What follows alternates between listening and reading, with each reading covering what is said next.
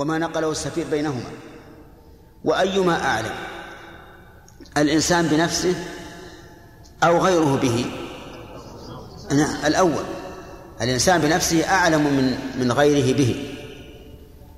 فلهذا نقول هذه علة قادحة توجب ضعف حديث ابن عباس ولو كان في الصحيحين. كذلك جاء في صحيح مسلم أن إبراهيم عليه الصلاة والسلام رآه الرسول صلى الله عليه وعلى آله وسلم ليلة المعراج في السماء السادسة. الحديث في صحيح مسلم سند متصل. نقول هذا ولو كان بسند متصل. هذا فيه علة قادحة. وهي الشذوذ. الشذوذ مع أنه سيأتي أيضا. كل الروايات تدل على إيش؟ على أن إبراهيم في السماء في السماء السابعة. وهذا نجعله مثال للشاذ. نجعله مثال للشاذ. وسيأتي إن شاء الله الكلام عليه في الدرس المقبل. أنا أحثكم وأوصيكم على معرفة هذه الشروط. لأن سوف تكفيكم مشاكل كثيرة تأتي. اعرف شروط الصحيح حتى تعرف ما هو صحيح من, من, من الذي ليس بصحيح. نعم.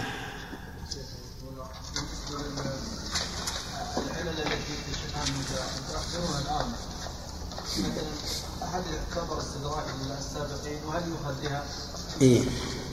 يعني قل لو تعارض تصحيح المتأخرين أو تضعيفهم مع من سبقهم أنا أميل أميل إلى الأخذ بتصحيح المتقدمين. لأنه قد يكون هناك أسباب للتصحيح ودفع للعلل التي التي علل بها المتأخرون لم تكن معلومة عند المتأخرين. هذه من وجه من وجه آخر من وجه آخر إن أن هناك قواعد وضوابط في الشريعة الإسلامية فينظر إلى متن الحديث. قد يكون متن الحديث يؤيد كلام المتأخرين تصحيحا أو تضعيفا. أو يؤيد كلام المتقدمين تصحيحا أو تضعيفا. لماذا؟ لأننا نعلم أن الشريعة من مشرع واحد من مشكاة واحدة. فإذا كان هذا الحديث يشهد تشهد له شواهد الصحة أو شواهد الشريعة فإننا لا نبالي إذا كان بعض رواته ضعيفا ضعفا اختلف العلماء فيه ولا إذا وإلا إذا اتفق العلماء ما في إشكال يكون ضعيفا. سندا وصحيح متنا لكن عند التعارض المطلق أنا أميل إلى الأخذ بتصحيح المتقدمين نعم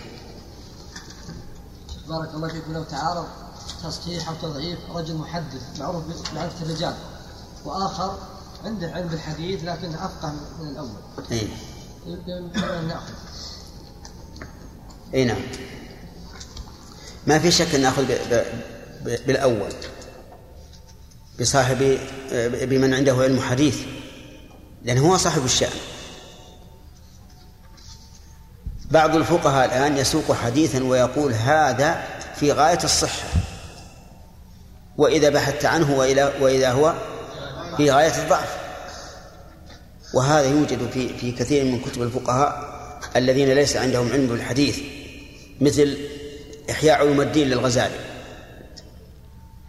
هذا فيه من الأحاديث الضعيفة الشيء الكثير. لأن الرجل ليس محدثا ولا يعرف عن عن الحديث شيئا. لكنه رجل فيلسوف جيد في معرفة الحكم والأسرار والآداب والأخلاق وما أشبه ذلك. فالحاصل أن أنه إذا تعارض تصحيح فقيه أو تصحيح محدث فإن نأخذ بتصحيح من؟ المحدث لا شك. نعم.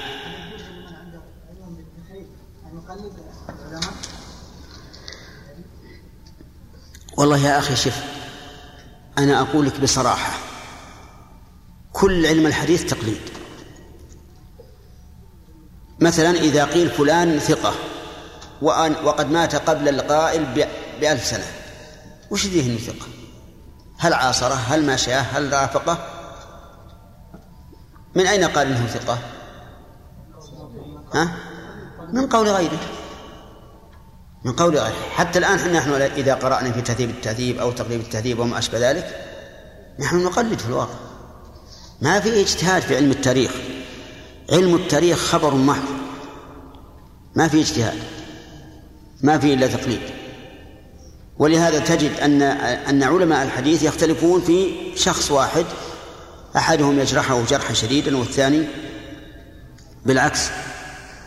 فالحاصل أن مسائل التقليد والاجتهاد ما تأتي في مسائل في فيما طريقه الخبر لأن الخبر خبر محض.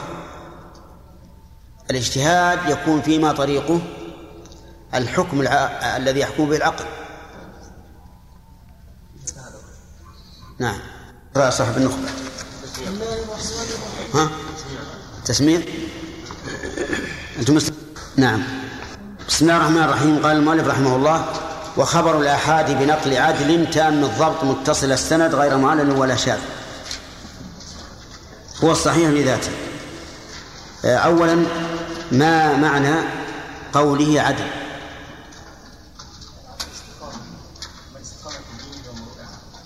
العدل في اللغة الاستقامة وفي الاصطلاح من استقام في دينه ومروءته. ما معنى استقامة الدين يا عبيد؟ أداء الأوامر واجتناب المحارم طيب. المروءة.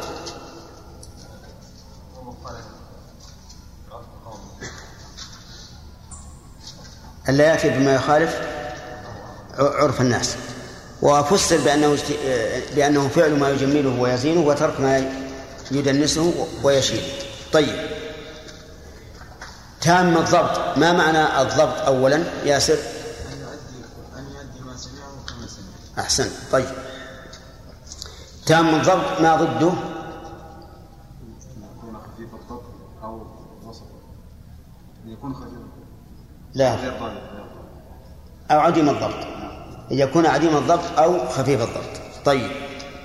متصل السند معناه؟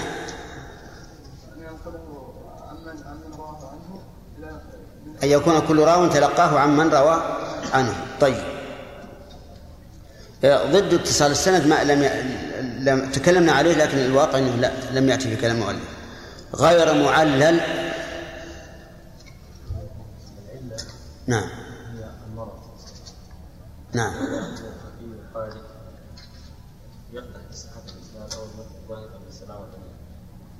يعني كل ما يقدح في قبول الخبر من انقطاع في السند أو غيره. طيب. هل المراد أي معلل؟ نعم. ما المراد هنا؟ العلة القادحة. طيب غير العلة القادحة هل يقدح في صحة الحديث يا عبد الله؟ لا. لا. أحسنت. لأن هذه وجودها كالعدم مثالها؟ حديث جابر في بيع حديث جابر؟ بيع الجمل في بيعه الجمل على رسول الله صلى الله عليه وعلى آله وسلم. كيف؟ في قيمة الثمن. في قيمة الثمن؟ في قيمة الثمن. ها.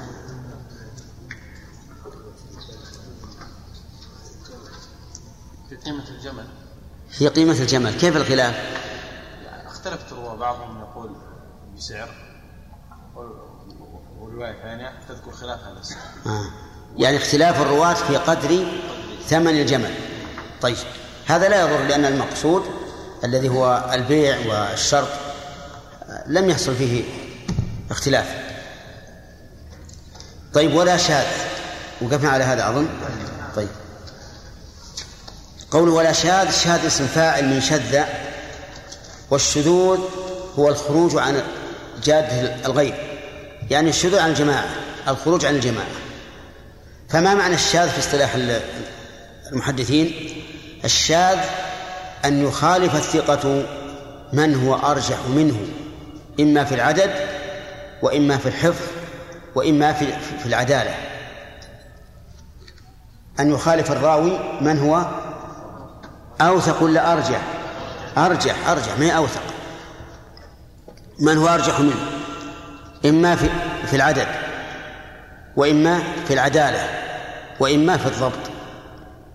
فمثلا إذا خالف الإنسان ثلاثة أشخاص فحديثه طيب ما الذي فاقه؟ فاقه بكثرة العدد. طيب إذا خالف الراوي العدل من هو أعدل منه؟ فهذا شاذ لأنه فاقه في العدالة. إذا خالف من هو أضبط منه؟ فالمخالف شاذ؟ نعم لأنه خالف من هو أقوى منه في الضبط. إذن كل ما من روى شيئا يخالف من هو أرجح منه إما في العدالة أو الضبط أو العدد فحديثه شاذ. وهل يشترط أن يكون ذلك في حديث واحد؟ هل يشترط أن يكون هذا في حديث واحد أو لا؟ أقول مقتضى تصرفات المحدثين أنه لا يشترط أن يكون في حديث واحد.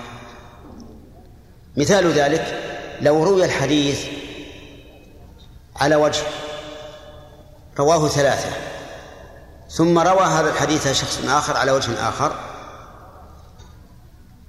فهذا الشذوذ في حديث واحد.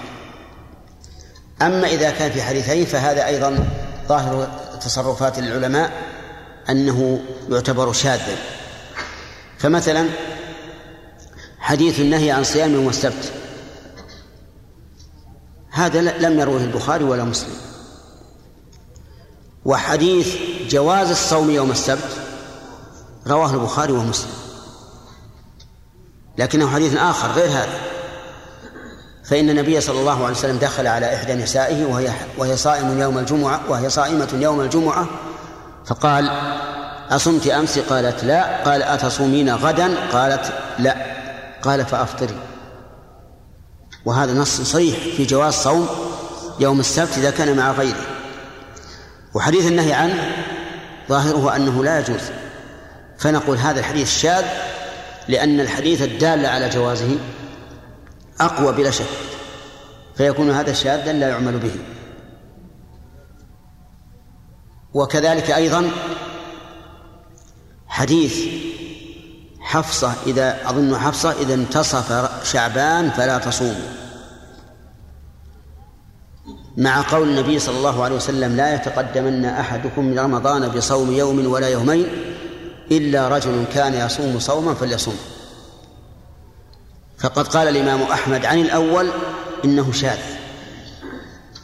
ليش؟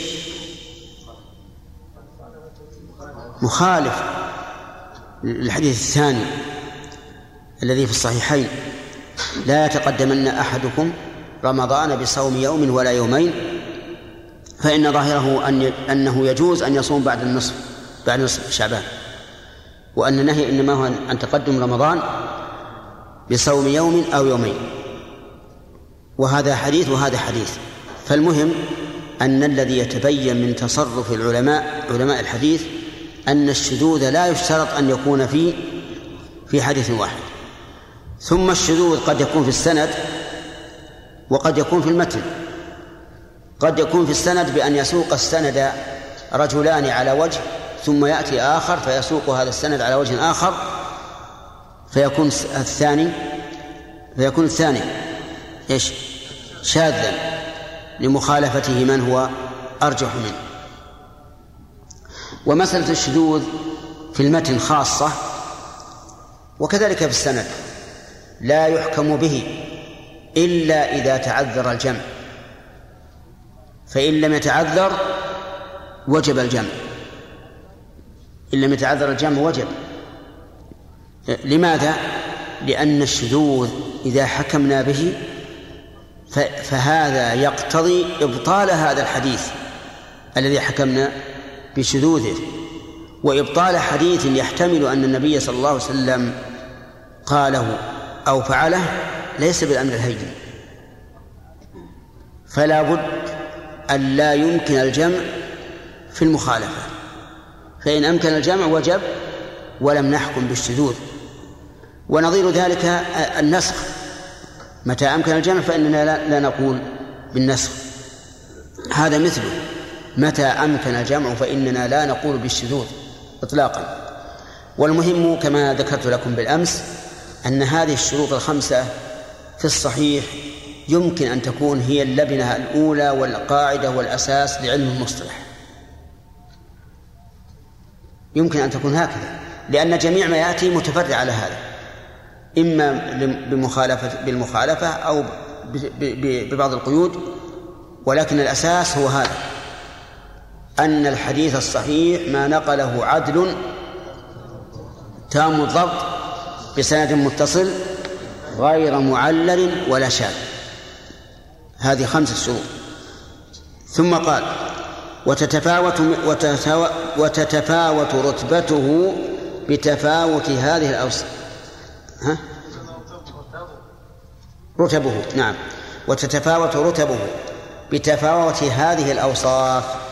صحيح. يعني الصحيح ليس كله على حد سواء سواء في الرتبة بل تتفاوت الرتب باعتبار هذه الأوصاف. فإذا كان هذا الحديث رواه شخص تام العدالة تام الضبط والسند متصل فيه سمعت أو حدثني ولا شيء يعارضه لا شيء بشذوذ ولا بعلة فهذا أعلى ما يكون.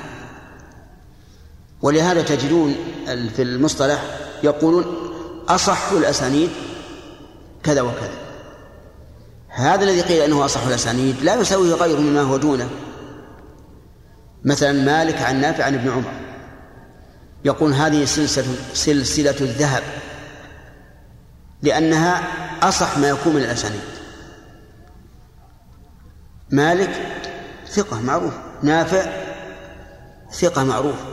صلة نافع بمالك كثيرة قوية صلة نافع بابن عمر مولاه قوية. فهذا أعلى ما يكون. فالصحيح ليس على رتبة واحدة بل تتفاوت رتبه. بتفاوت هذه الأوصاف ومن ثم أي من أجل كونه تتفاوت رتبه قدم صحيح البخاري ثم مسلم ثم شرطهما ثم نعم. كيف؟ بس؟ طيب. من أجل اختلاف الرتب رتب العلماء رحمهم الله الكتب المصنفة في الحديث.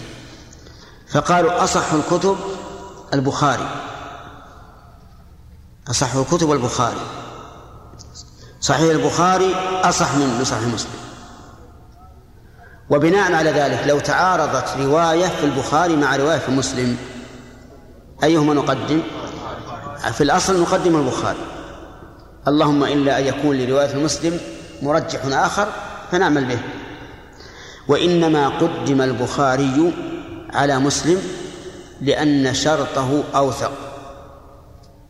شرط أوثق. وذلك لأنه يشترط لصحة الحديث ثبوت لقاء الراوي من روى عنه. ومسلم يكتفي بمطلق المعاصرة وإن لم يثبت اللقاء. وذلك أن أداء الحديث إما أن يقول الراوي فيه سمعت أو حدثني فهذا واضح وأنه اتصل. أو يقول عن فلان وقد علم أنه لاقاه والقائل بعن ليس مدلسا. فهذا يحمل على إيش؟ على الملاقاة وهذا صحيح على على رأي البخاري. وعلى رأي مسلم من باب أولى. الثالث أن يقول عن فلان ولم يعلم أنه لقيه لكنه في عصره والقائل غير مدلس. هذا على شرط مسلم وليس على شرط البخاري. والغريب أن مسلما رحمه الله في مقدمته حمل حملا عظيما حملة شعواء على من قال إنه يشترط لصحة الحديث ثبوت الملاقاة مع أنه لا شك أن ثبوت الملاقاة أقوى من مجرد المعاصرة أقوى من مجرد المعاصرة. ولكن سيأتينا إن شاء الله أن أن الصحابة رضي الله عنهم لهم حال أخرى. فإن الصحابي الذي كان أهلا للتحمل في عهد الرسول عليه الصلاة والسلام يحمل حديثه على السماع إلا إذا علمنا أنه لم يسمعه فيحكم به. طيب الحاصل أن البخاري مقدم على مسلم من حيث الصحة لأنه أقوى شرطا. ثم بعد ذلك مسلم لأنهما يتفقان في اشتراط العدالة وتمام الضبط لكنهما يختلفان في اشتراط إيش؟ اللقي. الثالث ثم شرطهما. أي ما كان على شرط الصحيحين. وش معنى على شرط الصحيحين؟ يعني أن رجال الحديث رجال الصحيحين. والسند متصل. لكن لم يخرجاه. أي لم يخرجه البخاري ولا مسلم. فإن قال قائل لماذا لم نجعل هذا على شرط؟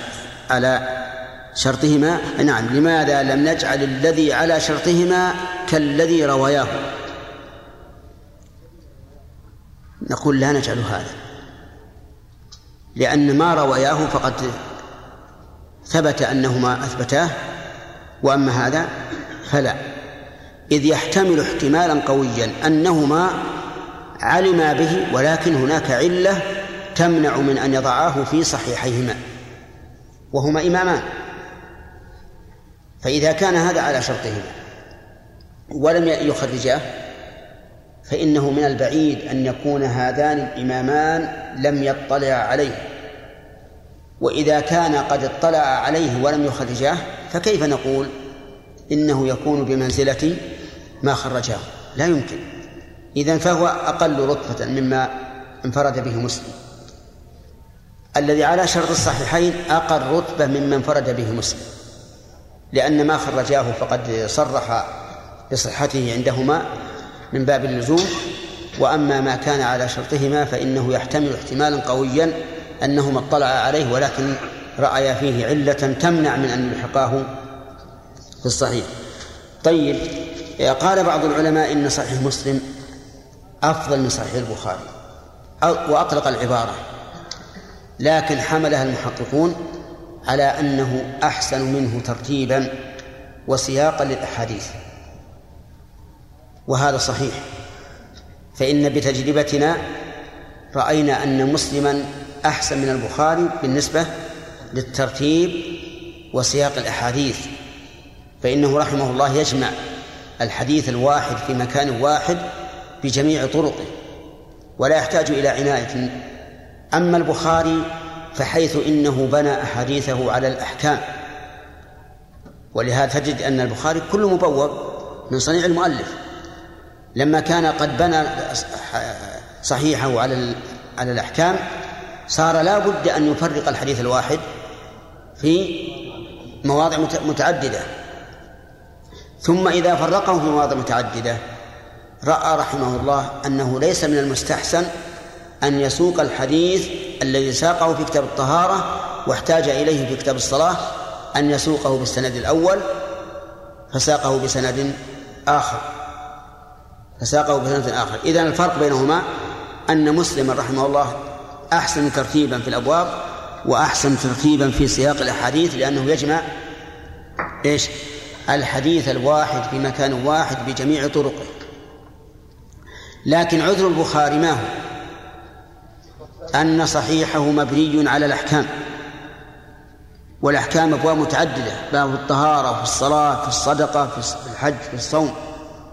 فكان يفرق الحديث حسب ما يريد الاستدلال به عليه من الأحكام.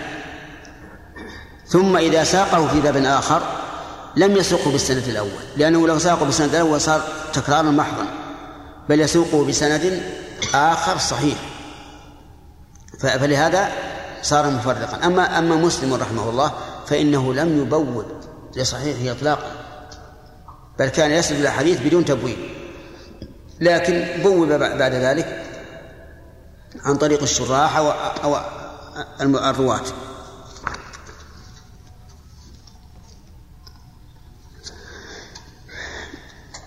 نعم. يقولون الحاكم متساهل في في التصحيح والأحيان كثيرا ما يقول إسناد على شرطهما. طبعا هذه يقبلونه. لا هم إذا قيل متساهل مو معناه أنه ما يقبل إطلاقا. لكنه يتساهل يقول صحيح على شرطهما. صحيح على شرط البخاري صحيح على شرط مسلم فيتساهل. ولازم من تساهله أن يكون كل ما أن يكون كل ما قاله مردودا. قلت يا شيخ الصحيح على شرطهما يعني أن الرجال هم رجال الصحيح أو أن الشروط منطبقة على هؤلاء. لا الرجال هم الرجال والسند متصل لكن يمكن أن يكون في علة عند البخاري ومسلم. ليست الشروط التي وضعها منطبقة. لا ما تنطبق عليه. ما تنطبق؟ ما تنطبق لكن شروط الصحة منطبقة. معنى قولهم على شرطهما هو نفس معنى قولهم رجال ورجال الصحيح. الظاهر معناه واحد لكن هم قالوا إن الشرط هما يعني على رجاله رجال الصحيح. شيخ بالنسبة إلى قال رجال ورجال الصحيح ربما يكون من رجال الصحيح من هو ضعيفا بل هو ضعيف وساقه مثلا شاهد أو متابع لا هو الغالب أنه إذا قال رجال الصحيح يعني الذين يذكرون ليس على سبيل المتابعة. نعم. أنت؟ خلاص انتهى الأسئلة خمس دقائق صلى الله عليه وسلم قال المؤلف رحمه الله فإن خف الضبط فالحسن لذاته وبكثرة طرقه يصحح فإن جمع فللتردد في الناقل حيث التفرد وإلا باعتبار إسنادين وزيادة راويهما مقبولة ما لم تقع منافية لمن هو أوثق فإن كلف بأرجح فالراجح المحفوظ ومقابله الشاذ ومع الضعف ومع الضعف فالراجح المعروف ومقابله المنكر. بسم الله الرحمن الرحيم الحمد لله رب العالمين وصلى الله وسلم على نبينا محمد وعلى آله وأصحابه ومن تبعهم بإحسان إلى يوم الدين. ذكرنا فيما سبق أن علم المصطلح ينبني على تعريف إيش؟ الصحيح لذاته وأن كل ما يأتي بعده فهو تفصيل له. فما هو الصحيح لذاته؟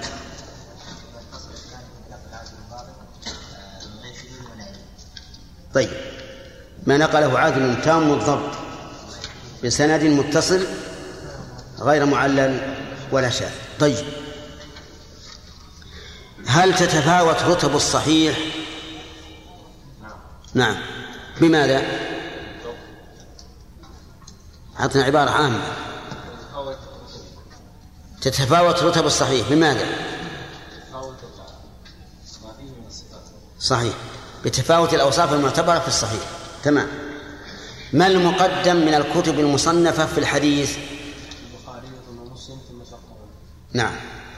أحسنت. البخاري ثم مسلم ثم شرطهما ثم شرط البخاري ثم شرط مسلم. طيب. إذا قيل على شرط البخاري فما معناه؟ نعم. ما حضرت؟ لا. إذا قيل على شرطهما على شرط البخاري.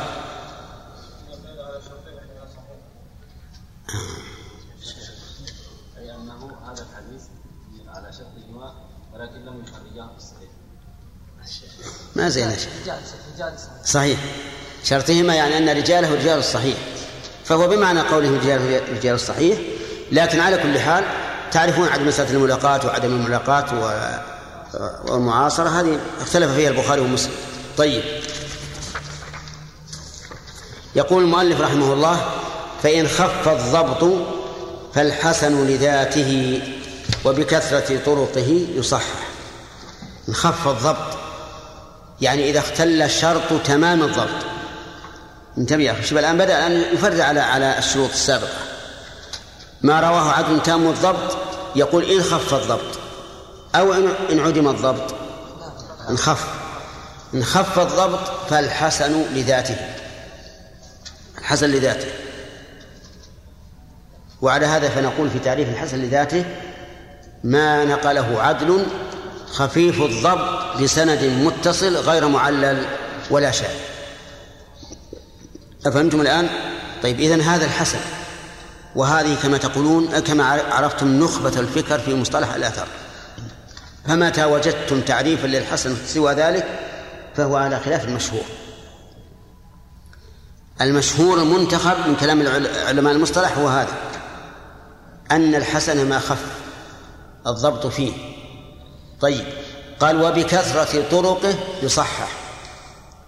يعني إذا تعددت الطرق صار صحيحا لكن لغيره لا لذاته. وعلى هذا نعرف الآن قسما ثالثا وهو الصحيح لغيره. فما هو الصحيح لغيره؟ هو الحسن لذاته إذا تعددت طرقه. نعم. طيب. فصار عندنا الآن صحيح لذاته وصحيح لغيره وحسن لذاته. وعلى هذا الترتيب. أشرفها الصحيح لذاته ثم الصحيح لغيره ثم الحسن. مثال ذلك حديث رواه رواة أحدهم حسن خفيف الضبط. لكن روي هذا الحديث نفسه من طريق آخر. برجل خفيف الضبط. وبطريق ثالث برجل خفيف الضبط. نقول الآن ارتقى هذا الحديث إلى كونه حسنا لكن لغيره. ومعنى لغيره؟ نعم أحسنت صدقت. ارتقى إلى كونه صحيحا لغيره. ومعنى قولنا لغيره إشارة إلى كثرة الطرق. إشارة إلى كثرة الطرق. طيب إذا قال قائل كيف كان صحيحا بتعدد الطرق؟ لأن الإنسان إذا تعددت الطرق عليه في الخبر فإنه يولد عنده ثقة أكثر حتى وإن كان الراوي خفيف الضبط. فلو جاءك رجل خفيف الضبط وأخبرك بخبر دنيوي صار عندك بعض بعض الشيء في صحة هذا الخبر. لكن نظرا لخفة ضبطه لا تثق. إذا جاءك إنسان آخر خفيف الضبط وأخبرك بنفس الخبر ها؟ لا شك أنه يزداد. يزداد ما في قلبك من التصديق قوة. وهلم جر. لكن هذا يسمى صحيحا لغيره لا لذاته. والأول الذي بسنة تام الضبط صحيحا لذاته. نعم. إذا اختل بقية الشروط انتبهوا يا أخوان. الآن إذا إذا اختل تمام الضبط صار حسن لذاته. إذا اختل بقية الشروط. بأن كان الراوي غير عدل. أو كان غير ضابط بالكلية أو كان السند منقطعا. أو كان الحديث معللا. أو كان شاذا. فإنه يكون ضعيفا. يكون ضعيفا. وبكثرة طرقه يكون حسنا لغيره. يعني الطريق الضعيف إذا تعدت طرقه على وجه يجبر بعضها بعضا صار حسنا لغيره. وبهذا تمت الأقسام خمسة. أقسام الحديث باعتبار الصحة لا باعتبار الطرق خمسة. وباعتبار الطرق أربعة. متواتر ومشهور وعزيز وغريب. لكن باعتبار الصحة وعدمها خمسة. الأول الصحيح لذاته والثاني الصحيح لغيره والثالث الحسن لذاته والرابع الحسن لغيره والخامس الضعيف. تمام؟ طيب. إذن الحديث باعتبار الصحة إلى لا. خمسة أقسام. طيب. باعتبار الصحة خمسة أقسام. أولا ثم ثم نعم نعم أحسنت. هذه أقسام الحديث باعتبار الصحة وخذها من النخبة. لا تذهب تطلب آه، آه، كتبا أخرى لأن هذه نخبة أهل آه، أهل, أهل المصطلح. نعم. قالوا فإن خف نعم. فإن جمع الضمير يعود على الحسن والصحيح. يعني إن قيل في حديث واحد حسن صحيح فسوف يرد عندك إشكال. كيف حسن صحيح؟ صحيح تام الضبط والحسن خفيف الضبط ليش يكون هذا؟ بين المؤلف رحمه الله وجه الجمع بينهما فجمع بأحد أمرين. قال فللتردد في الناقل حيث التفرد وإلا فباعتبار إسنادين. هذا هذا الجواب. إذا رأيت حديثا واحدا قيل إنه حسن صحيح ابحث. هل أتى من طريق واحد؟ إذا كان كذلك فالمعنى أن المخرج له شك. هل كانت الرواة ممن بلغوا تمام الضبط أو ممن اتصفوا بخفة الضبط؟ متردد. وهل يمكن في هذا التعبير أن ينقص عن الحسن؟ لا. لا. لأن الناقل تردد هو صحيح ولا حسن؟ فلهذا قال صحيح حسن. طيب. إذا بعد البحث وجدنا أنه جاء من طريقين. نقول معنى ذلك أن المخرج الذي قال حسن صحيح اعتبر أن أحد الطريقين صحيح والثاني حسن. وهذا جمع واضح. طيب فإن قال صحيح غريب.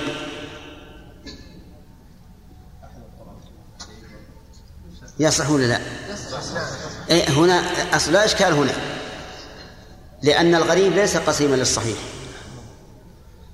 يعني التقسيم من جهة الطرق لا علاقة له بالتقسيم من جهة الصحة. يعني حتى مثلا الحديث ربما يأتي من عشرة طرق ويبقى ضعيفا. إذا كانوا ضعفاء لا يجبر بعضهم بعضا.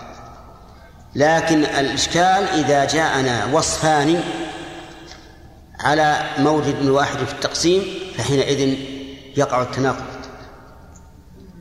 لأننا جعلنا في التقسيم تقسيم الحديث من حيث الصحة جعلنا الحسن قسيما. إيش؟ للصحيح لا قسما منه. وحينئذ نحتاج إلى الجمع. وخلاصة الكلام الآن في هذه المسألة إذا مر بك حديث قال فيه الراوي قال فيه المخرج صحيح حسن أو حسن صحيح فماذا تصنع؟ أبحث عن الطريق طريق الحديث.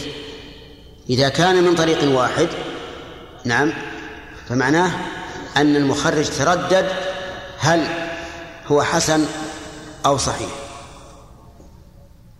وإذا كان من طريقين فمعناه أن الراوي جعل إحدى الطريقين صحيحة والثانية حسنة. طيب قدر أو أو الواو. في قوله حسن صحيح وش تقدر أو ولا الواو؟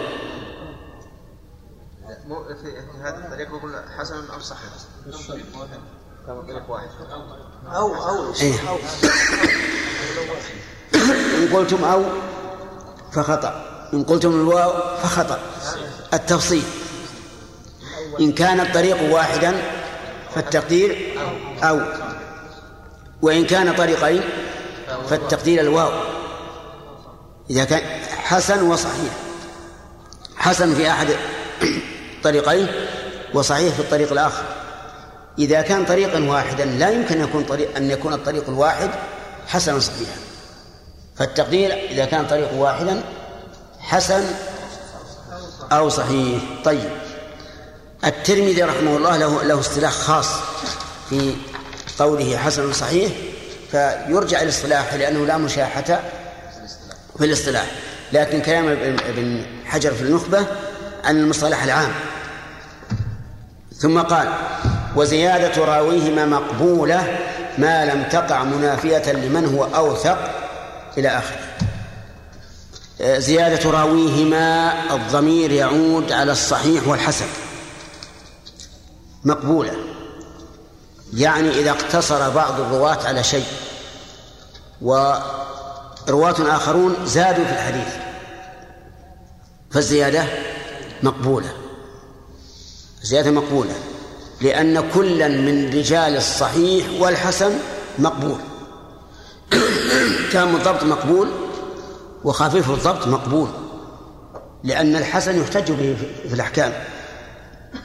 فإذا زاد أحد الرواة شيئا قبلناه واضح جماعة؟ وهذا يمر بنا كثيرا في صحيح البخاري وفي صحيح مسلم. تجد بعض الرواة يزيد على بعض. هذه الزيادة مقبولة. كذا؟ لا يقال إنه انفرد بها فلان فهي مردودة. نقول نعم انفرد به فلان لكن فلان ثقة. أرأيتم لو جاء بحديث مستقل تقبلونه أو لا؟ نقبله. طيب إذا جاء بزيادة اقبلوها. إلا إذا وقعت منافية لمن هو أوثق والمنافية معناه أنه لا يمكن الجمع بينها وبين ما لم يزد ما ما وبين رواية من لم يزد. لأن المنافاة معناها المعارضة. فإن أمكن الجمع فلا منافاة. لكن إذا كانت الزيادة تعارض ما لم يزد فحينئذ نتوقف حتى ننظر. فإن فإذا وقعت الزيادة يقول رحمه الله إن خولف نعم. فما لم تقع بينهما ما ما لم تقع ما لم تقع منافية لمن هو أوثق ما لم تقع الضمير يعود على الزيادة.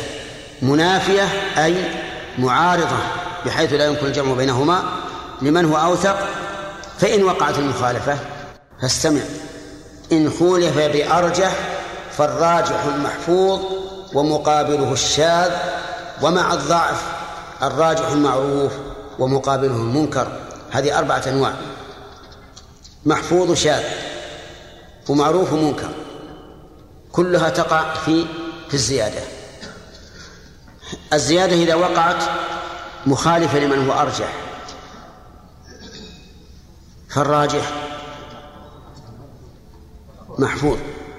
مقابله الشاذ.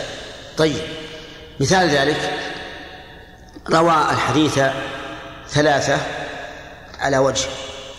ورواه واحد مع الزيادة. ماذا تكون الزيادة؟ هو ثقة. الراوي الزائد ثقة. تكون الزيادة شاذة. لماذا؟ لأنها خولفت بمن هو أرجح بالعدد. كلما زاد العدد ازداد الرجحان. طيب روى الحديث ثقة ورواه ثقة آخر بزيادة. لكن لكن الثقة الذي لم يرو زيادة أقوى حفظا وأقوى عدالة من الآخر. ماذا نسمي الآخر؟ شاذا اجزموا. شاذ نسميه شاذا لأنه خالف من هو أوثق. والمخالف ثقة. طيب روى الحديث رجلان أحدهما ثقة والثاني ضعيف وزاد الضعيف على الثقة. زيادة تنافي. نسمي هذه الزيادة منكرا ونسمي المزيد عليه معروفا. إذن المعروف ما خالف فيه الثقة الضعيفة. صح؟ المنكر ما خالف فيه الضعيف الثقة. الشاذ ما خالف فيه الثقة من هو أرجح منه بالعدد أو أو بالضبط أو بالعدالة. طيب المحفوظ ما خالف فيه الثقة من هو ثقة دونه. ما خالف فيه الثقة ثقة دونه ولكنه ليس ضعيفا كما قال الأخ عبد الله. إيه ما نعلم عن نيتك. واضح الآن؟ طيب إذا عرفنا أربعة أنواع من من أنواع الحديث. بالإضافة إلى الخمسة السابقة كم تكون؟ تسعة أنواع من من الحديث. وكلها في أسطر قليلة. يمكن تجد في غير هذا الكتاب مجل يعني صفحات. لكن هذا الكتاب في الحقيقة يعني مضغوط ضغطا مع الوضوح والبيان. انتهى الوقت. نعم. نعم. ها؟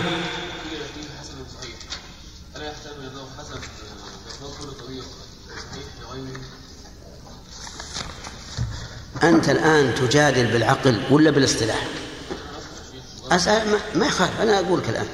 هذا مصطلح لا مشاحة في الاصطلاح والاحتمالات العقلية ما ترد على المصطلحات العرفية. هم تعارفوا فيما بينهم على هذا. خلاص ما ما نقول والله غير اصطلاحكم. نحن جئنا بعدكم بأربعمائة سنة غير اصطلاحكم. نعم؟ أنت أو أكثر. خلاص. هذا بارك الله فيكم. كل الاصطلاحات ما يمكن الاعتراض عليها بالأمور العقلية. ولا يمكن نعترض بأمر عقلي عندنا ويجي بعدنا ناس؟ ها؟ يعترضون بأمر عقلي عندهم. ونمشي ما عاد يستقر لأحد قول نعم. بغض النظر عن انها أو غير في ذاتها؟ لا. هذا هذا من الراوي. روى شيء ما رواه الراوي الآخر. نعم. فتكون تعريف الشاذ إنه هذه زيادة. نوع مخالفة والمخالفه شاذة. يعني فاقت في أوصاف الصحه أنت ثقة ولا غير ثقة؟ نعم. أنت ثقة؟ قل إن شاء الله. طيب. زميلك اللي على يمينك ثقة.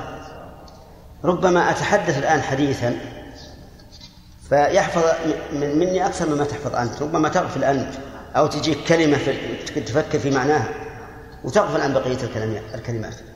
فما دام هذا المخالف الزائد لا ينافي زيادة لا تنافي زيادته ما أثبته الآخر فهي مقبولة.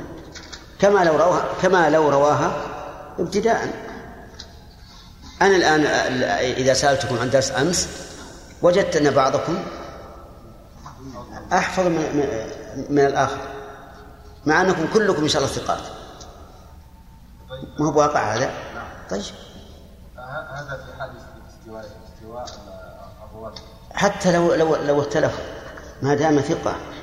لأنك لو لو أسقطت هذه الزيادة وهي لا تنافي الثقات مشكل. هذا ينسبه للرسول عليه الصلاة والسلام. تسقط شيء يغلب على الظن أن الرسول قاله؟ ما المسألة ما هي هينة هي لو كان المسألة مجرد تفضيل قول على قول أو رواية على رواية هذا الأمر. لكن سيثبت حكم شرعي أو يلغى. نعم. نعم. ما بعد جانا جزاك الله خير. في نعم نعم. أصل الموضوع ما يدخل ولا في الضعيف. الموضوع ما هو حديث إطلاقا. لا لا ما هو حديث ما يصح نسبته للرسول. لا يقول حديث لأنه حديث أنا أنا الحين معك أحدثك كلامي معك حديث. لكن ينسب للرسول وليس بشيء. كيف نقسم الحديث المنسوب للرسول إلى إلى وهو موضوع مكتوب على الرسول؟ أصلا ليس بحديث. الوقت طيب يلا. من صاحب أصول الفقه؟ ها؟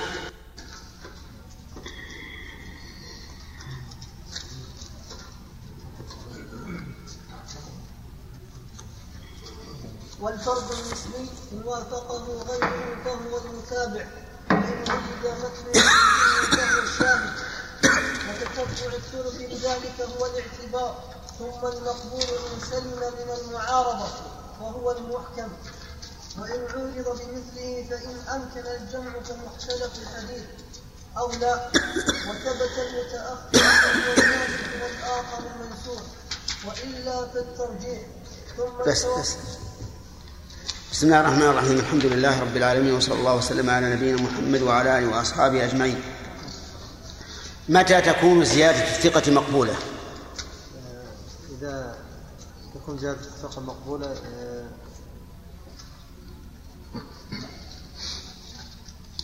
إذا لم يخالف له أوثق منه. إذا؟ لم يخالف من هو أوثق منه.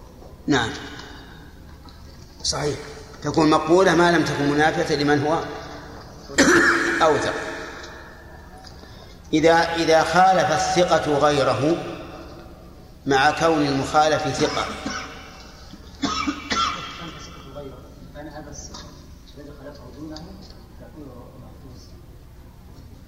أيهما محفوظ الراجح محفوظ.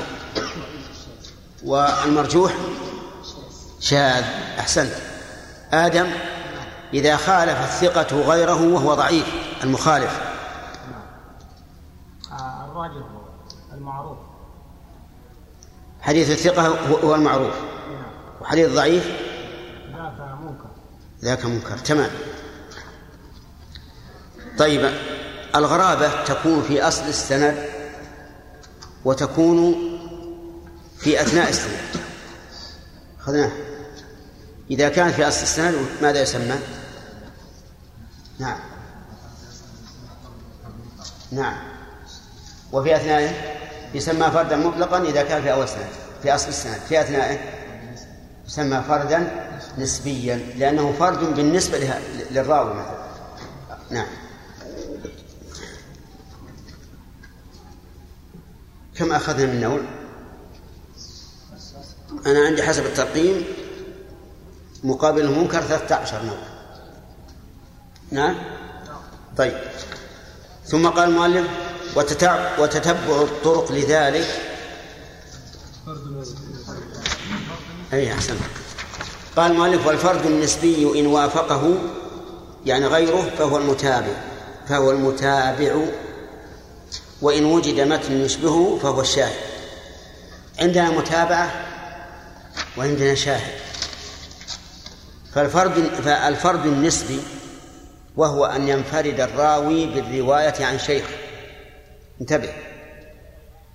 مثل روى واحد عن اثنين عن ثلاثة عن أربعة. لكن انفرد رقم اثنين عن الثالث. لم يروي الحديث عنه سواه. وللثالث تلاميذ كثيرون. الثالث له له تلاميذ كثيرون. انفرد أحد التلاميذ بحديث عن هذا الشيخ نسميه إيش؟ نسميه فردا نسبيا. لأن الفردية فيه باعتبار رواية هذا التلميذ عن عن هذا الشيخ. طيب انفراد التلميذ عن شيخه بحديث لم يروه بقية أقرانه يعني بقية التلاميذ يوجب الشك فيه. أليس كذلك؟ وجه الشك أننا نعلم أن رجال الإسناد حريصون جدا على الرواية عن مشايخهم فلماذا انفرد هذا التلميذ عن بقية التلاميذ بهذا الحديث؟ هل التلاميذ غائبون لماذا ينفرد؟ إذن لعله وهم. فلذلك كان الفرد النسبي آه، كان الفرد النسبي من أقسام الضعيف.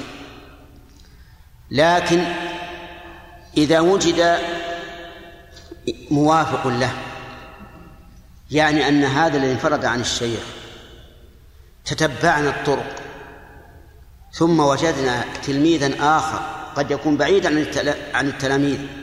روى هذا الحديث عن الشيخ. نسميه المتابع. فيقال تابعه فلان في كذا وكذا. هذا ممكن ولا غير ممكن؟ ممكن. يعني افرض إن هذا هذا الشيخ المحدث يحدث الناس في مجتمع كمجتمعنا هذا ويأخذون عنه.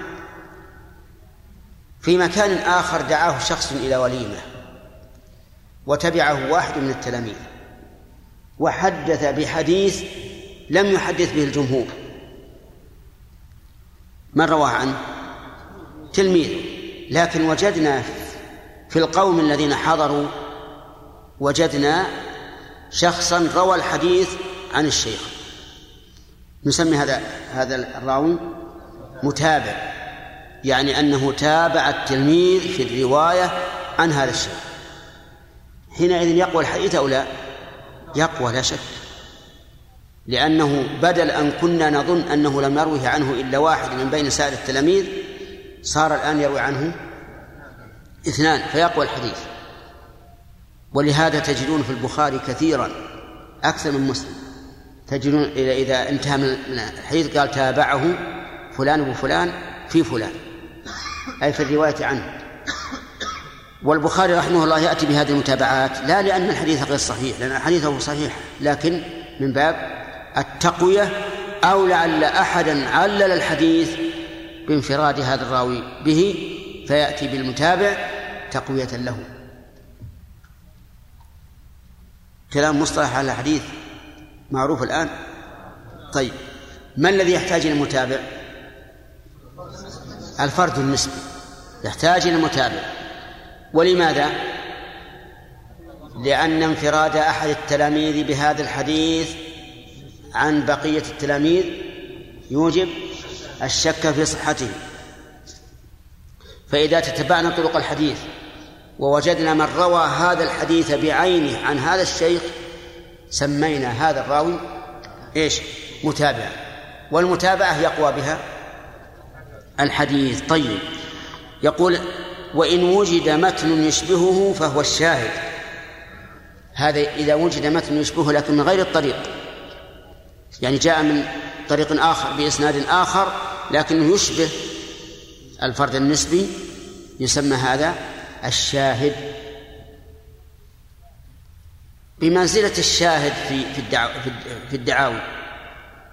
الشاهد في الدعاوي يقوي جانب من؟ المدعي.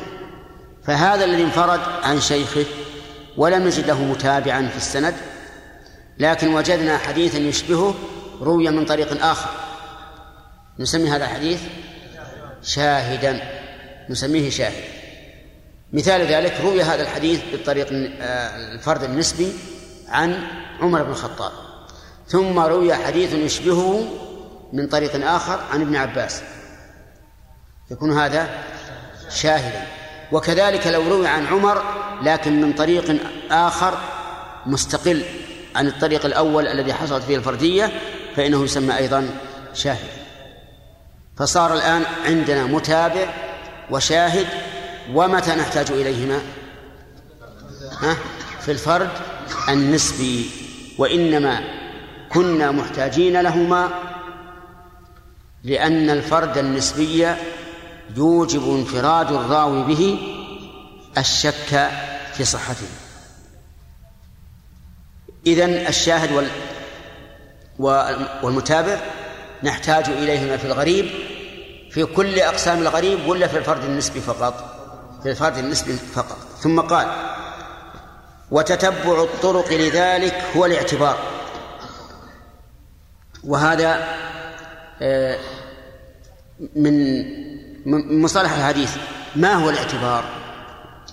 أصل الاعتبار مأخوذ من العبور وهو التجاوز. ومنه قوله تعالى لقد كان في قصصهم عبرة لأولي الألباب. يعبر الإنسان من حالهم إلى حال تشبهها فيتعظ.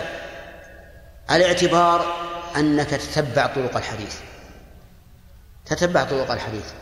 في أي كتاب؟ في كتب الحديث الأحاديث المسندة. في كتب الأحاديث المسندة. وأنتم تعرفون كتب الحديث المسندة هي التي يروي المخرج الحديث فيها عن طريق إيش؟ السند. ليس يقول عن عن عمر بن الخطاب أن النبي صلى الله عليه وسلم قال كذا. لا يقول حدثنا فلان عن فلان عن فلان ثم يذكر السند. فتتبع الطرق إنما يكون بتتبع إيش؟ الكتب المسندة. الكتب المسنده يتبعها الإنسان. وهذا يدل على أن الاعتبار أمر شاق ليس بسهل. لابد تحضر كل الكتب المسندة الكتب الستة وغير الكتب الستة. من أجل إيش؟ أن تتتبع هل لهذا الحديث شاهد أو متابع. واضح. إذن الاعتبار الاعتبار في الواقع من أشق ما يكون. لا بد يكون عندك جميع كتب الحديث المسندة ولا بد تراجعها من أولها إلى آخرها. ومن ثم احتجنا إلى الكمبيوتر. صح؟ عجيب. نعم. الكمبيوتر يسهل لك اضرب أي اطلب منه أي أي كلمة. إذا كانت معبات فيه يقول يطلع لك يقول هذه موجودة في البخاري في مسلم في أبي داود في النسائي في ابن ماجه في مسند أحمد.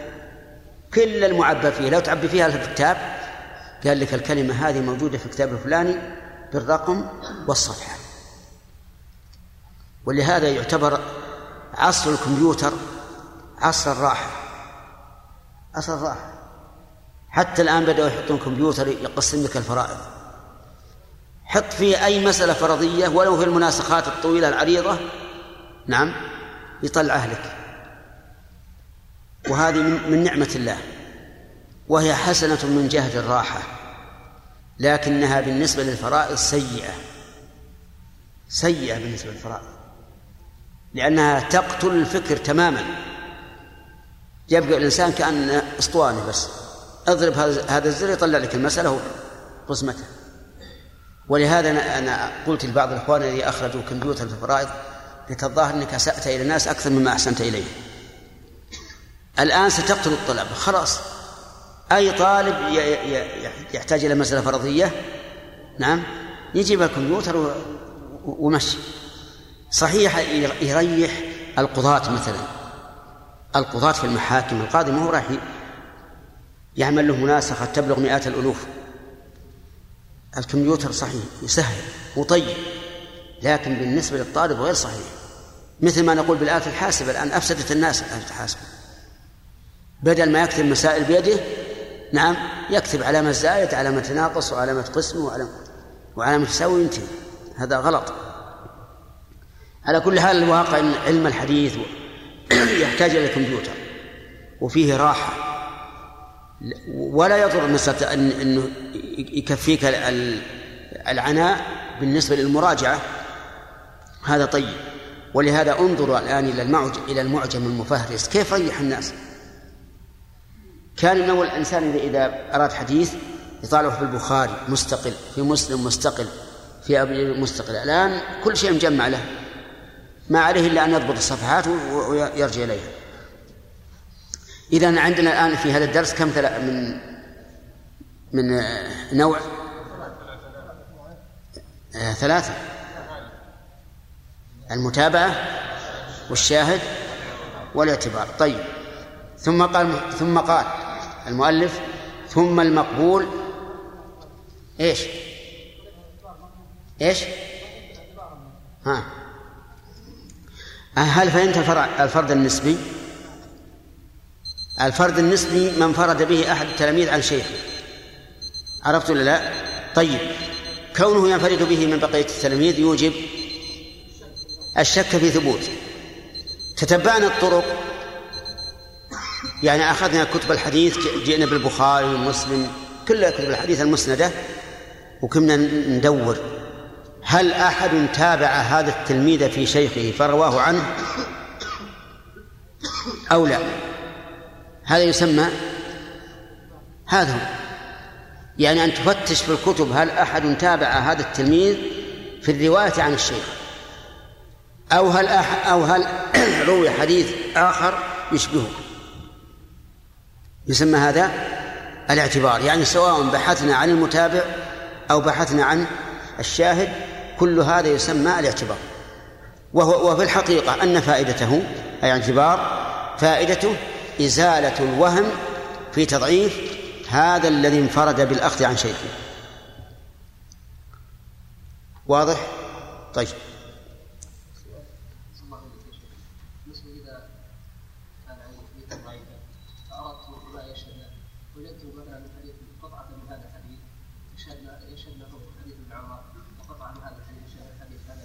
نعم.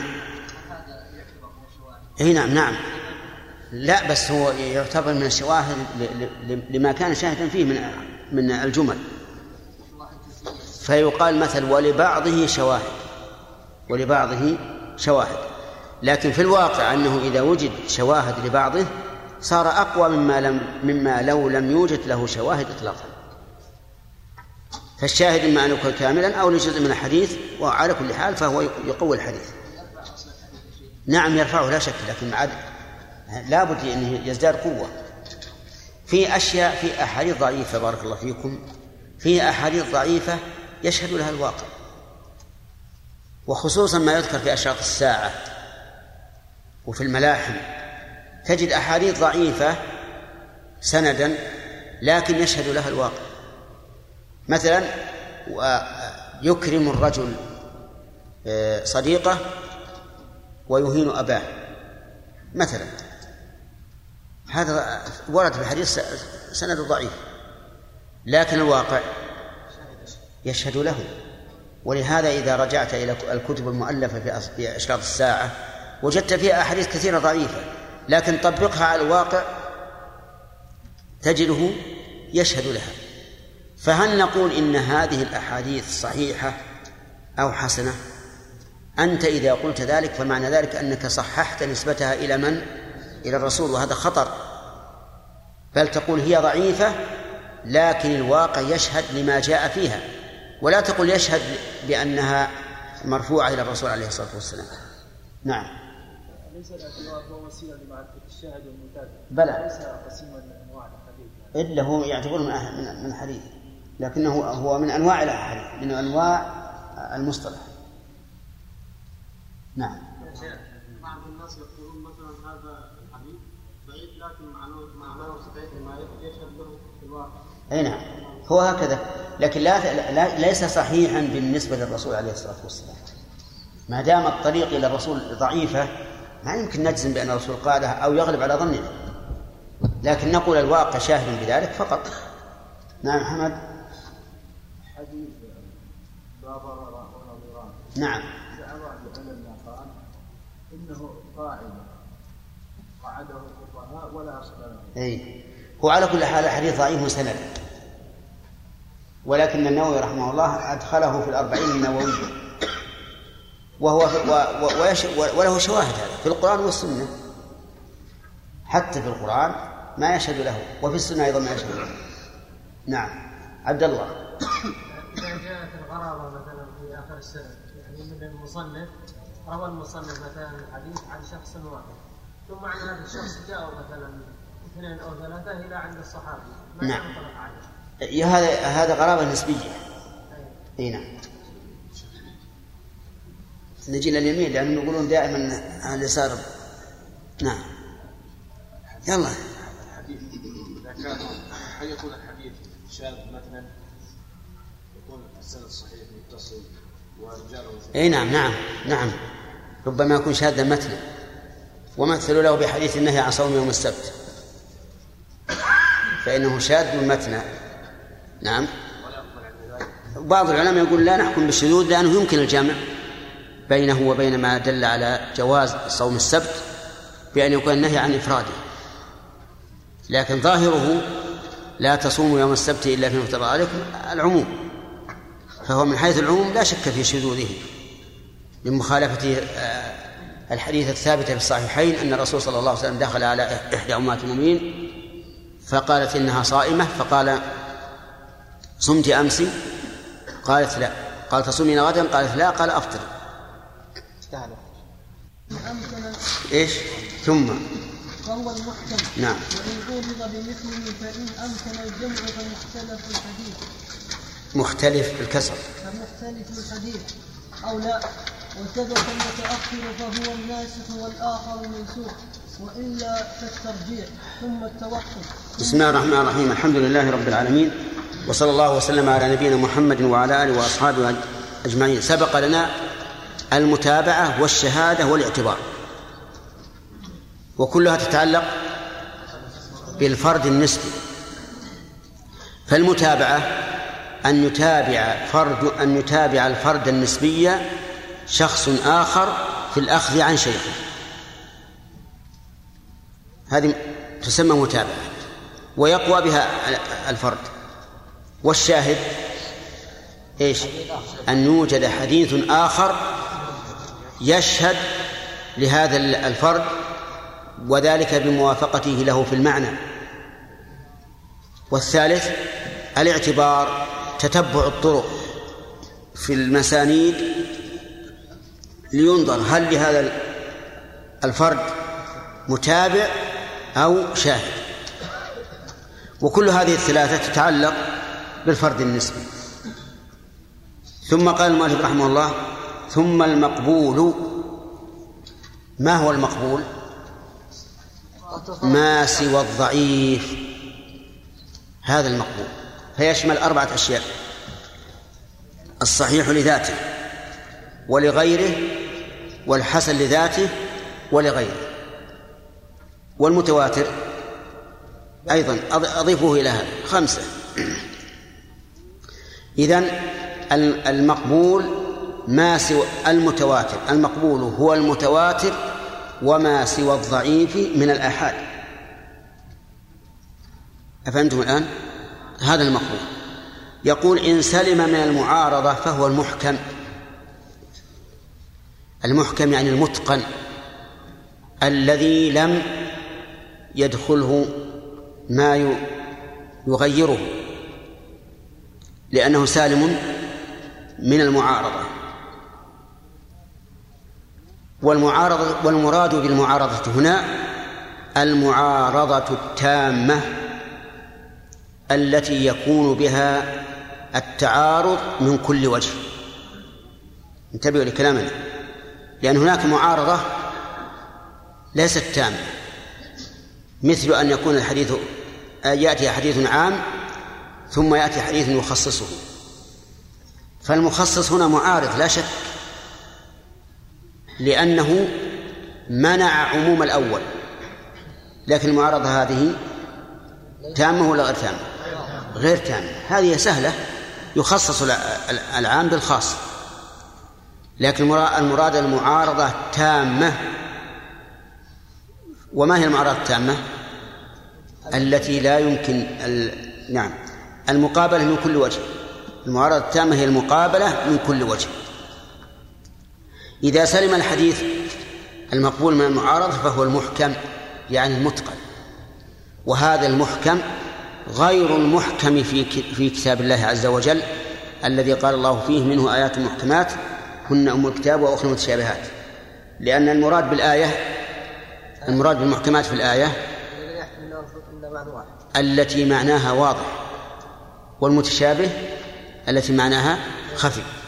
أما هنا فهو السالم من المعارضة فإذا قيل لك ما هو المحكم في مصطلح الحديث؟ تقول هو السالم من المعارضة. فإن وجد معارضة يقول المؤلف إن عورض بمثله إن عورض بمثله. أي بمثله سندا وصحة. فإن أمكن الجمع فمختلف الحديث. إذا أمكن الجمع بين المتعارضين سمي مختلف الحديث. مثال ذلك قال النبي صلى الله عليه وسلم لا عدوى ولا طيرة وقال فر من المجذوم فرارك من الأسد. فر من المجذوم فرارك من الأسد. فهل هذا تعارض تام أو تعارض خاص؟ نعم. قال بعض العلماء إنه تعارض تام وحينئذ يحتاج إلى الجمع. وقيل إنه تعارض خاص وأن قوله لا عدوى إلا في الجذام ويكون فر من المجذوم هذا خاص. يخصص به قوله قوله قوله يخصص به قوله لا عدوى وحينئذ لا يكون هناك معارضة. لأن المعارضة هنا معارضة غير تامة إذ أن هذا خاص في الجذام لشدة عدواه واللفظ الأول لا عدوى عام في كل الأمراض. وبناء على ذلك لا نحتاج إلى تكلف الجمع. وأما من قال إن بينهم معارضة وفي النفس منه شيء هذا القول فإنه فإنهم يقولون الجمع أن هذا لتوقي الأسباب فر من المجذوم لتوقي الأسباب. ولا عدوى لنفي لنفي سريان العدوى بنفسها كما كانوا يعتقدون ذلك في الجاهلية. المهم إذا أمكن الجمع فإنه يسمى مختلف الحديث وقد ألف فيه العلماء كابن قتيبة. جمع الأحاديث التي ظاهرها التعارض في كتاب ثم جمع بينها. لكن من هذه الأحاديث ما ليس فيه التعارض التام ولكن حسب فهمه. ويشبه هذا الفن يشبه من يشبه صنيع من ألف في الجمع بين الآيات المتعارضة. ومنهم الشنقيطي رحمه الله محمد الأمير صاحب أضواء البيان كتب رسالة اسمها دفع إيهام الاضطراب عن آي الكتاب. جمع الآيات التي فيها التي ظاهر التعارض وألف بينها. طيب هذا يقول فإن أمكن الجمع فمختلف الحديث. أولى يعني إن لم يمكن الجمع نعدل إلى المرحلة الثانية. قال وثبت المتأخر فهو الناسخ والآخر والآخر منسوخ. نعم. إذا إذا لم يمكن الجمع إذا لم يمكن الجمع فماذا نصنع؟ ننظر في التاريخ.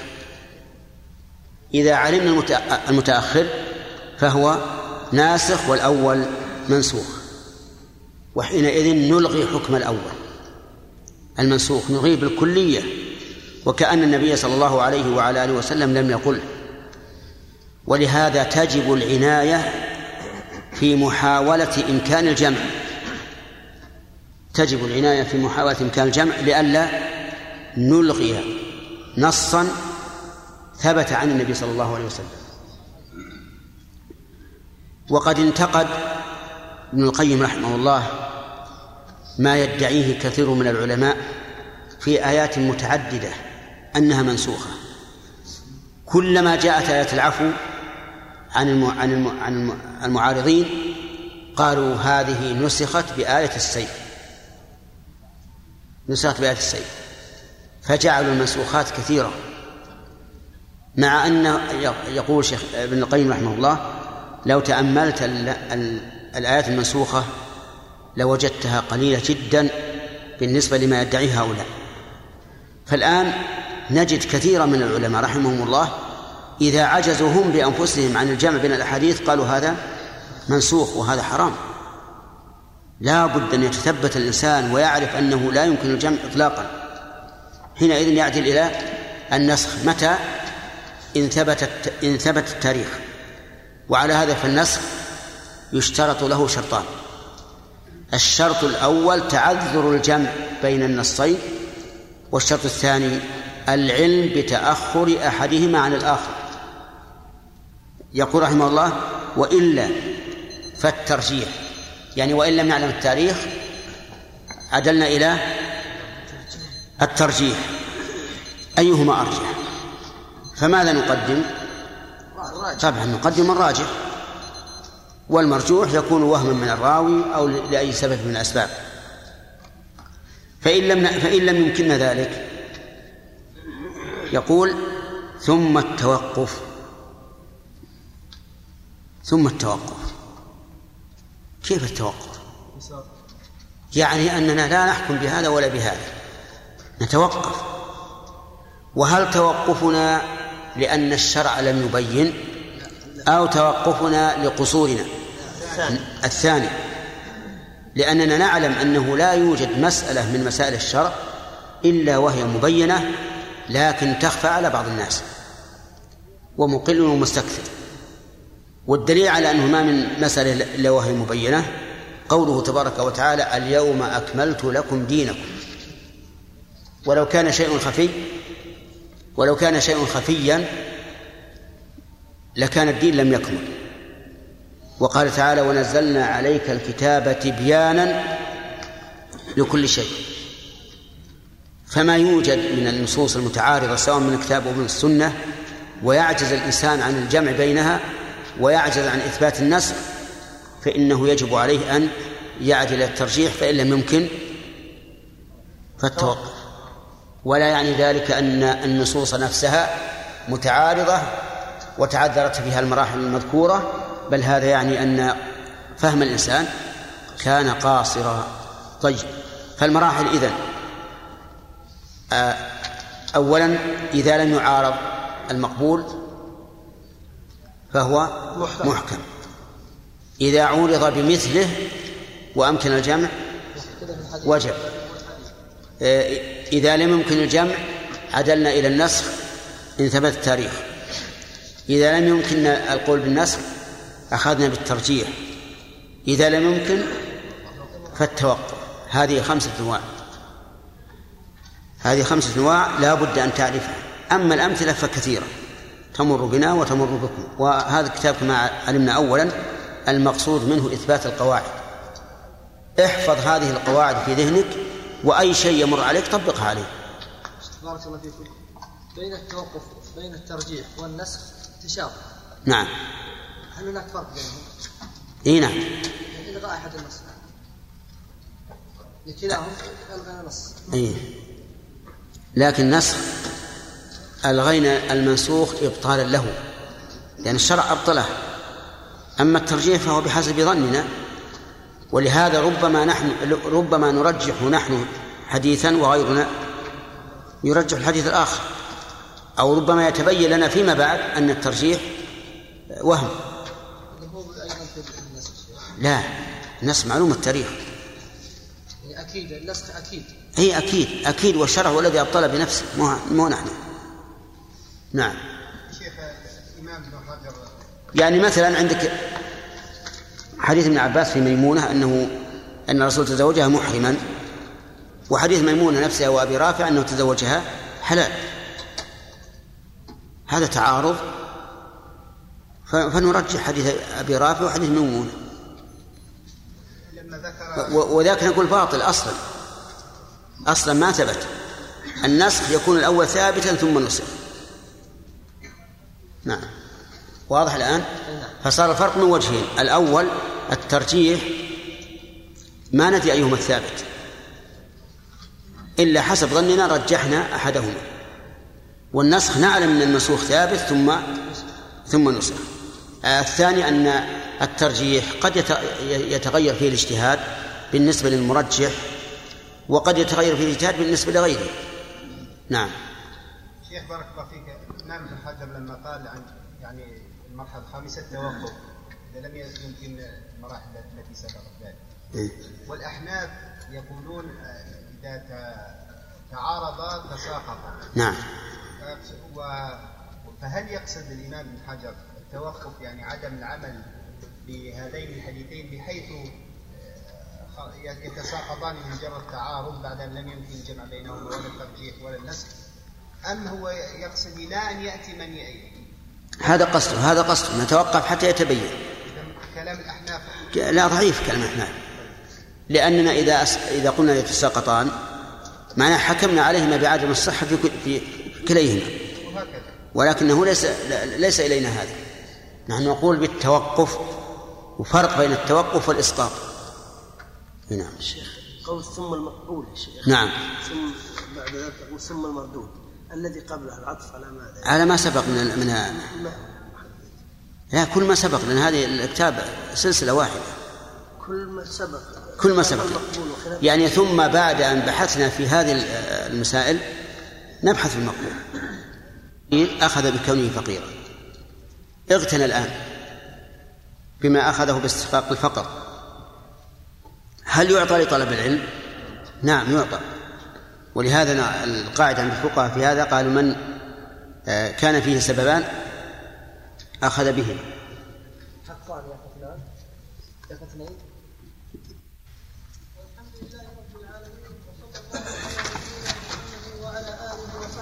صلى الله عليه وسلم.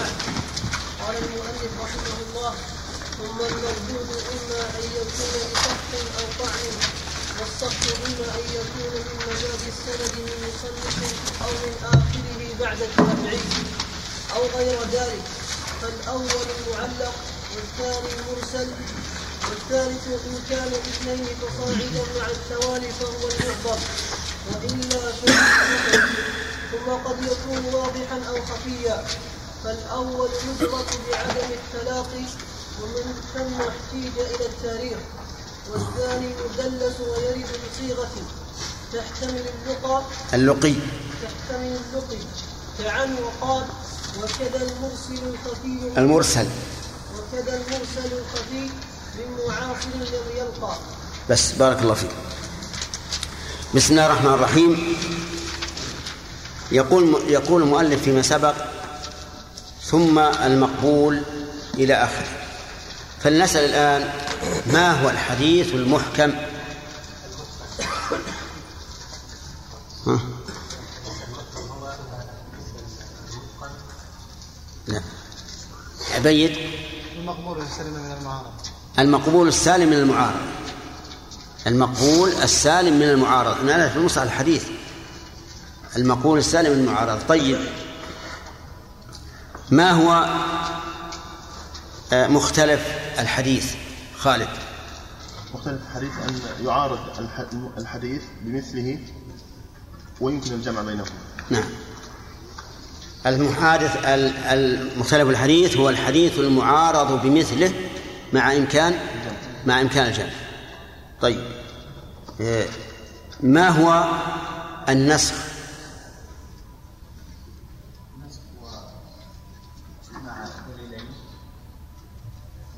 الأول يعني رفع الحكم بدليل متأخر. كذا؟ رفع الحكم بدليل متأخر. طيب. في تعريف آخر. في تعريف آخر. إحنا إحنا أقول التعريف إذا صار المعنى واحد ما, في معنى. رفع الحكم بدليل متأخر. هذا الناس. لأنه قال إذا علم التاريخ فالمتأخر ناسخ والأول منسوخ. طيب. إذا لم نعلم لأن من شروط النسخ ان نعلم التاريخ فإذا لم نعلم نعم سلم. إذا لم نعلم التاريخ. ها رجعنا للترجيح. طيب. إذا لم يتبين الراجح. نتوقف. طيب. هل عدم تبين الراجح باعتبار الواقع أو باعتبار فهم الإنسان وعلمه. لا يمكن أن يكون باعتبار الواقع لا. أسألك ما بيوصلنا ويمكن وما يمكن؟ هو باعتبار ال- الناظر في الأدلة. باعتبار الناظر في الأدلة. أما الأدلة نفسها فلا يمكن أن يوجد فيها تعارض لا- ليس فيه ترجيح ولا نسخ. واضح يا جماعة؟ ما هو الدليل على تعذر ذلك في الأدلة؟ كمال. الدليل على تعذر ما يوجب التوقف في الأدلة باعتبار الأدلة. ما فهمت السؤال ما فهمت السؤال. هل فهمت جواب ال- الأخ الطاهر؟ ماذا قال؟ قال إن يعني التوقف لا باعتبار واقع الأمر لأنه لا يمكن أن يكون متعارض في الواقع لأنه قائله النبي صلى الله عليه وسلم. وإنما باعتبار قصور فهم آه، فهم. الإنسان أو علمه أو علمه. أيضا طيب فما هو الدليل على هذا؟ أنا أريد الدليل على ما قاله الطاهر. أن يوجد إذا أحاديث ما هو الدليل؟ أن الله عز وجل قال وما أوتيتم من العلم إلا قليلا. خطأ. أنت حاضر أمس؟ نعم حاضر. بالقلب والقالب قوله تعالى اليوم أكملت لكم دينكم. نعم. وإذا كان وج- يوجد تعارض حقيقة لم يكن الدين كامل. صحيح. اليوم أكملت لكم دينكم تدل على أنه ما في شيء خاف خفي على الناس كلهم. هذا واحد. دليل آخر قد يكون أبين من هذا وهذا دليل لا شك. نعم. نزلنا عليك الكتاب تبيانا. ونزلنا عليك الكتاب تبيانا لكل شيء. طيب. وتركنا رسول الله صلى الله عليه وسلم على محجة بيضاء. وقال أبو ذر لقد توفي رسول الله صلى الله عليه وعلى آله وسلم وما طائر يقلب جناحيه في السماء إلا ذكر لنا منه علما. طيب. ثم نبدأ درس جديد. قال ثم المردود. كنت لك كنت قلت لكم بالأول إن مصطلح الحديث مركب على شيء. ما هي؟ شروط الصحيح. شروط الصحيح. كل المصطلح مرتب عليه. يعني ما وجدت فيه الشروط وما اختلف فيه شرط من شرط منها كل هذا علم المصطلح ولهذا الذي يتقن شروط الصحيح منطوقا ومفهوما فقد علم المصطلح. فالآن يقول ثم المردود إما أن يكون إما أن يكون لسقط أو طعن. سقط يعني سقط راوي فأكثر. وهذا يعود إلى إيش؟ إلى شرط اتصال السند أو طعن وهذا يعود إلى عدالة الراوي وحفظه. انتبهوا يا أخوان حتى يتبين لكم كل المصطلح مبني على شروط الصحيح. ثم المردود والمردود ما هو؟ ما لم هو الذي لا تتوافر فيه شروط القبول. هذا المردود. الذي لا تتوافر فيه لا تتوافر فيه شروط القبول. إما أن يكون سقط أو طعن. سقط في إيش؟ سقط في السند. فمثلا إذا كان السند متصلا رواه واحد عن اثنين عن ثلاثة عن أربعة. وسقط رقم اثنين. هذا سقط ولا لا؟ سقط رقم واحد. سقط رقم أربعة. سقط.